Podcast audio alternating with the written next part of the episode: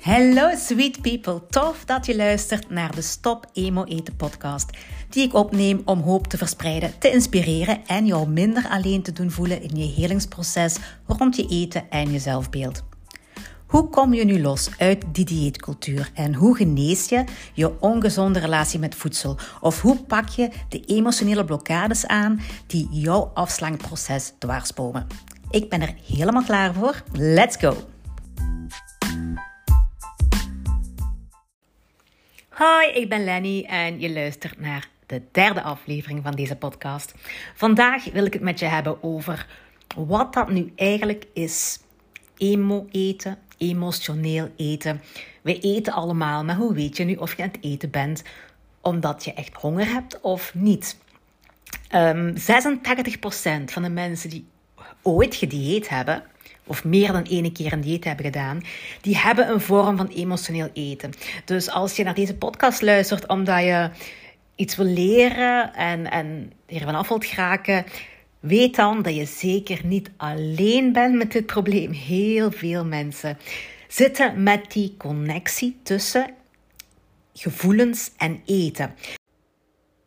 En dat kan voorkomen in heel wat variaties en in heel wat intensiteiten. Je hebt daarom niet direct een eetprobleem omdat je eens emotioneel eet.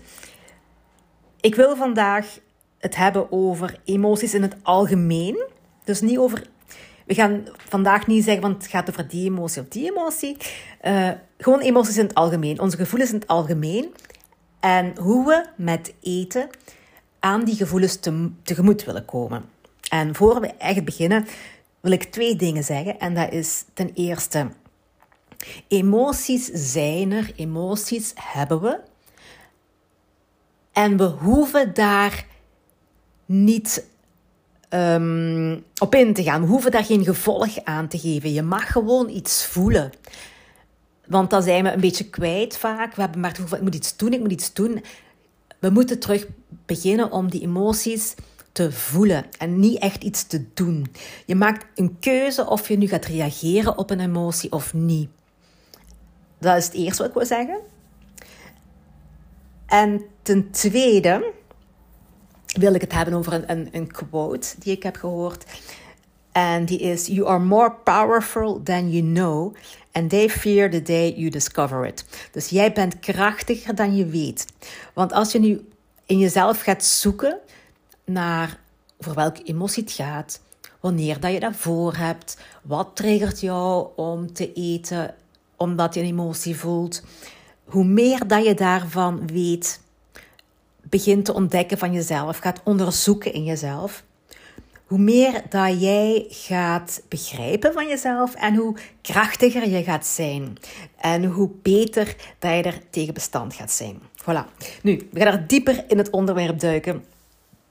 Een heel belangrijk iets om te weten is dat eten een primaire behoefte is. En er is een primaire connectie tussen eten en emoties. Wat bedoel ik daar nu mee? Uh, dat is heel primal, uh, dat is heel oer, oergevoelig, zal ik zeggen. Um, van als je een hele, hele kleine baby bent, als je nog maar pas op de wereld bent, dan een van de eerste dingen die je gaat doen is eten krijgen. Binnen de tien minuten dat je geboren bent, gaan ze jou een fles in je mond steken of een tepel in je mond steken en dan ga je beginnen met eten. En er, daar is meer in die contacten als kleine baby, als jij helemaal afhankelijk bent van de mensen die voor jou zorgen, dan in het moment dat jij eet, dat is nog een, een preverbaal moment, hè, voordat je kan praten, voordat je echt um, woorden en gedachten kunt onderscheiden. Op dat moment dat je eet, voel jij ook een verbinding. Je wordt dicht bij iemand gelegd, je wordt tegen iemand gehouden. Er wordt um, liefdevol met je omgegaan, tederheid. Um, dus al, dat allemaal, vaak ook huid op huid contact, dat is allemaal in dat moment dat je eten krijgt. Dus dat moment van eten wordt automatisch verbonden met emoties. En emoties en in de hersenen, de amygdala wordt daar, uh, die zorgt daarvoor en zo. Dus het zit heel, dat zit echt in jou vast.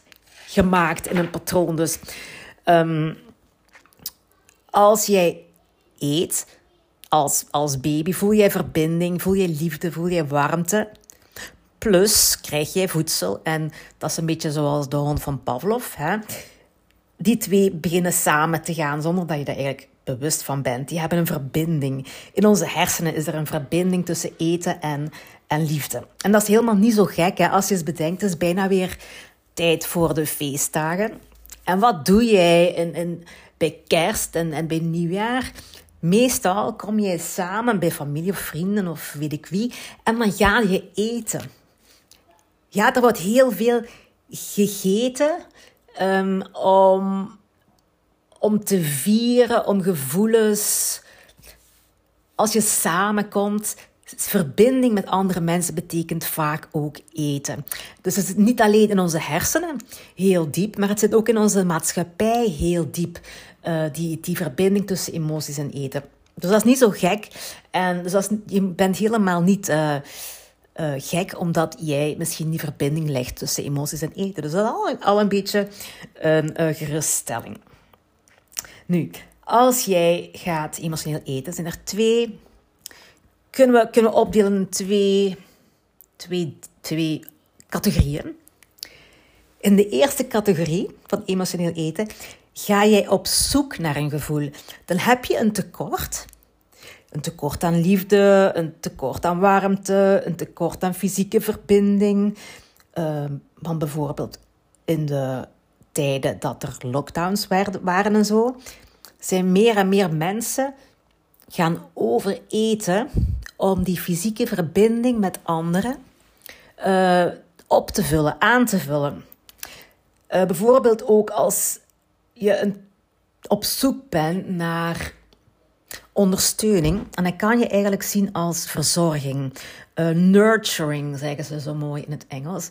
Um, je wilt, je bent op zoek naar iemand die jou gaat nurturen, verzorgen, ondersteunen. Kan je naar eten grijpen. Of gewoon als je eenzaam bent en op zoek bent naar verbinding. Dus de eerste manier ga, heb je een tekort en ga je in eten op zoek naar die verbinding, omdat in je hersenen heb je die twee horen bij elkaar. En de tweede manier is het tegenovergestelde. Je gaat eten om weg te lopen van een emotie. Je gaat eten om jezelf af te leiden, om een emotie niet te moeten voelen. En um, dat is ook iets wat wij geleerd hebben. Dus ook hier weer moet je helemaal niet uh, boos zijn op jezelf of jezelf schamen.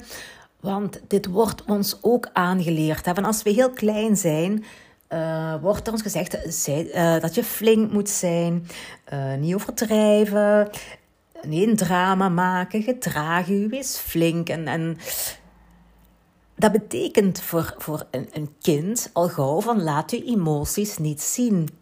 Dus we hebben geleerd van die emoties te onderdrukken. En in ons eten kunnen we niet flink zijn. Snap wat ik bedoel? Dan kan je terug een klein kind zijn of dan kan je buiten het rationele gaan. Dan hoef je niet logisch na te denken als je aan het eten bent. Dan kan je terug naar dat primaire gevoel gaan van u te voeden met iets. Voilà, dat zijn dus de twee manieren. Nu de grootste vraag van iedereen die ik krijg. Hoe weet ik nu of ik emotioneel aan het eten ben? Want ja, ik eet heel vaak op een dag. Ik heb vaak honger op een dag. Hoe weet ik nu van, oh, nu is het echt honger of nu is het niet honger? Die, dat verschil, dat leer je beter en beter opmerken als je er alerter voor gaat zijn, als je er meer over gaat nadenken. Maar we hebben dus twee soorten honger. We hebben echt fysieke honger. Fysieke honger, je voelt langzaamaan dat er honger begint op te komen. Hè? Dat is gradueel. Dat gaat beetje bij beetje. Dat gaat per, per 5 à 10 minuten wordt dat erger en erger. Je hebt tijd. je voelt opkomen en je weet, oké, ik moet s'avonds gaan eten. Ik moet plannen maken om te eten. Ik moet zien dat er eten in de buurt is, want ik ben honger aan het krijgen we zeggen vaak niet van ik heb honger, maar ik ben honger aan het krijgen. Dat is een, een proces wat gradueel komt. Dus je hebt daar tijd. Dat is niet, dat is niet dringend. Dat is uh, niet gehaast. Je, je hebt een beetje tijd totdat je echt honger hebt. En die honger voel je in je maag. Je maag zit uh, in het midden onder je ribben ongeveer. En daar voel je die dan ook grommen als je hele grote honger hebt. En um, ik laat, het, ik laat het nooit zo ver komen dat mijn maag begint te grommen. Ja?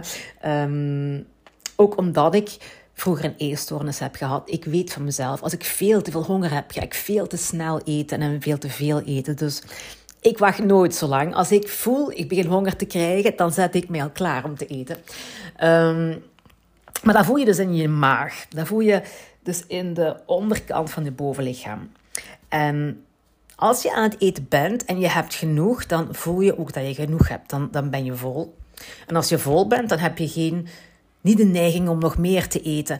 Als je tenminste traag genoeg eet. Er is die periode van 20 minuten die je hersenen nodig hebben om het signaal van de maag te gehoord, te begrepen te hebben. Totdat het signaal aangekomen is in de hersenen, zal ik zeggen. Dus als je te snel gaat eten, dan, dan kan je je wel overeten, omdat je gewoon het signaal nog niet kunt, kunt begrijpen in je hersenen.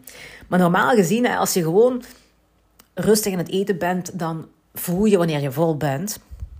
En als je vol bent, dan, ja, dan heb je helemaal geen nood om nog verder te eten. Um, die fysieke honger, die, is ook, die geeft je ook een signaal van dit is, ja, nee, emotioneel geeft je ook een signaal van het is echt nodig. Maar er is een verschil. Je weet van die fysieke honger, van dit is nodig om te leven. En als we nu eens daar tegenover of daar langs de emotionele honger leggen en we gaan die vergelijken, dan kan je zeggen dat die emotionele honger eerder plots opkomt. Je gaat voelen van, dat overvalt je, want oh, nu moet ik iets eten. Ja? En vaak kan het je ook niet echt schelen wat je eet. Er is nog een, verschil tussen emotioneel eten en cravings, of onbedwingbare trek hebben. Dat is voor een andere podcast. Um, maar als je emotioneel gaat eten, kan je dikwijls eender wat eten wat je in huis hebt. Als je niks in huis hebt en als je, zoals mij bijvoorbeeld vroeger, als ik op kot zat of zo, dan had ik niet, ik nam geen dingen in huis.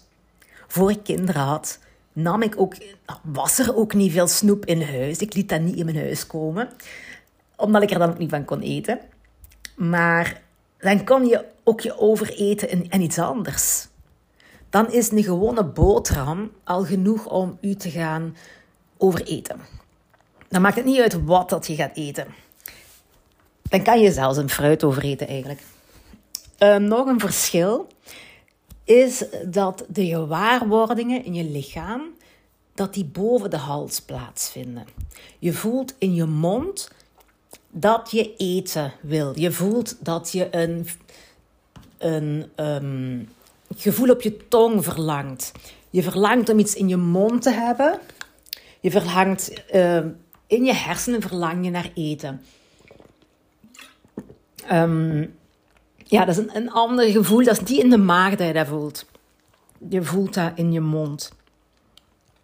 En als je aan het eten bent, dan herken je ook dat je emotioneel aan het eten bent als je nogal snel eet en weinig aandacht voor het eten zelf hebt. Je bent eigenlijk aan het eten, eten, eten, eten, zonder dat je echt veel aandacht geeft aan hoeveel je knabbelt of hoe het proeft in je mond. Dat maakt dan allemaal niet zoveel uit. Dan moet het er gewoon in, in, in. dat is meestal nogal monotoon. Dat is, dat is meestal erdoor, erdoor, erdoor, erdoor. En het verschil is ook, meestal achteraf, maar het kan ook ervoor al zijn of tijdens het eten, dat je een, ja, een soort schaamte voelt of schuldgevoel, schuldgevoel voelt, omdat je ergens weet dat je, dat je iets aan het doen bent wat, niet juist is. Je voelt dan van, ik ben niet juist bezig. Dit is niet zo goed voor mezelf. Ehm, ik hoop dat je hier iets aan gehad hebt. Laat mij weten. Als reactie op deze aflevering. Op je Instagram of, of gewoon. Uh, je kan ook in de reacties bij iTunes iets zetten. Maar laat mij weten of this makes sense to you. Herken je dit? Uh, had je hier al eens over nagedacht? Of ga je de volgende dagen, weken hier eens meer alert voor zijn? En laat me dan weten of het bij jou net zo is zoals ik het nu beschreven heb. Oké, daarbij laat ik het voor vandaag en ik hoor jullie een volgende keer. En nog één dingetje vergeten te vertellen. Check dit ook eens op mijn Instagram, Holistisch Afslanken met Lenny. Daar heb ik um, ook een bericht gemaakt met een beetje een samenvatting van wat ik jou nu verteld heb. En dan kan je opslaan, zodat je daar nog eens terug naartoe kan gaan wanneer je de uitleg nog eens nodig hebt.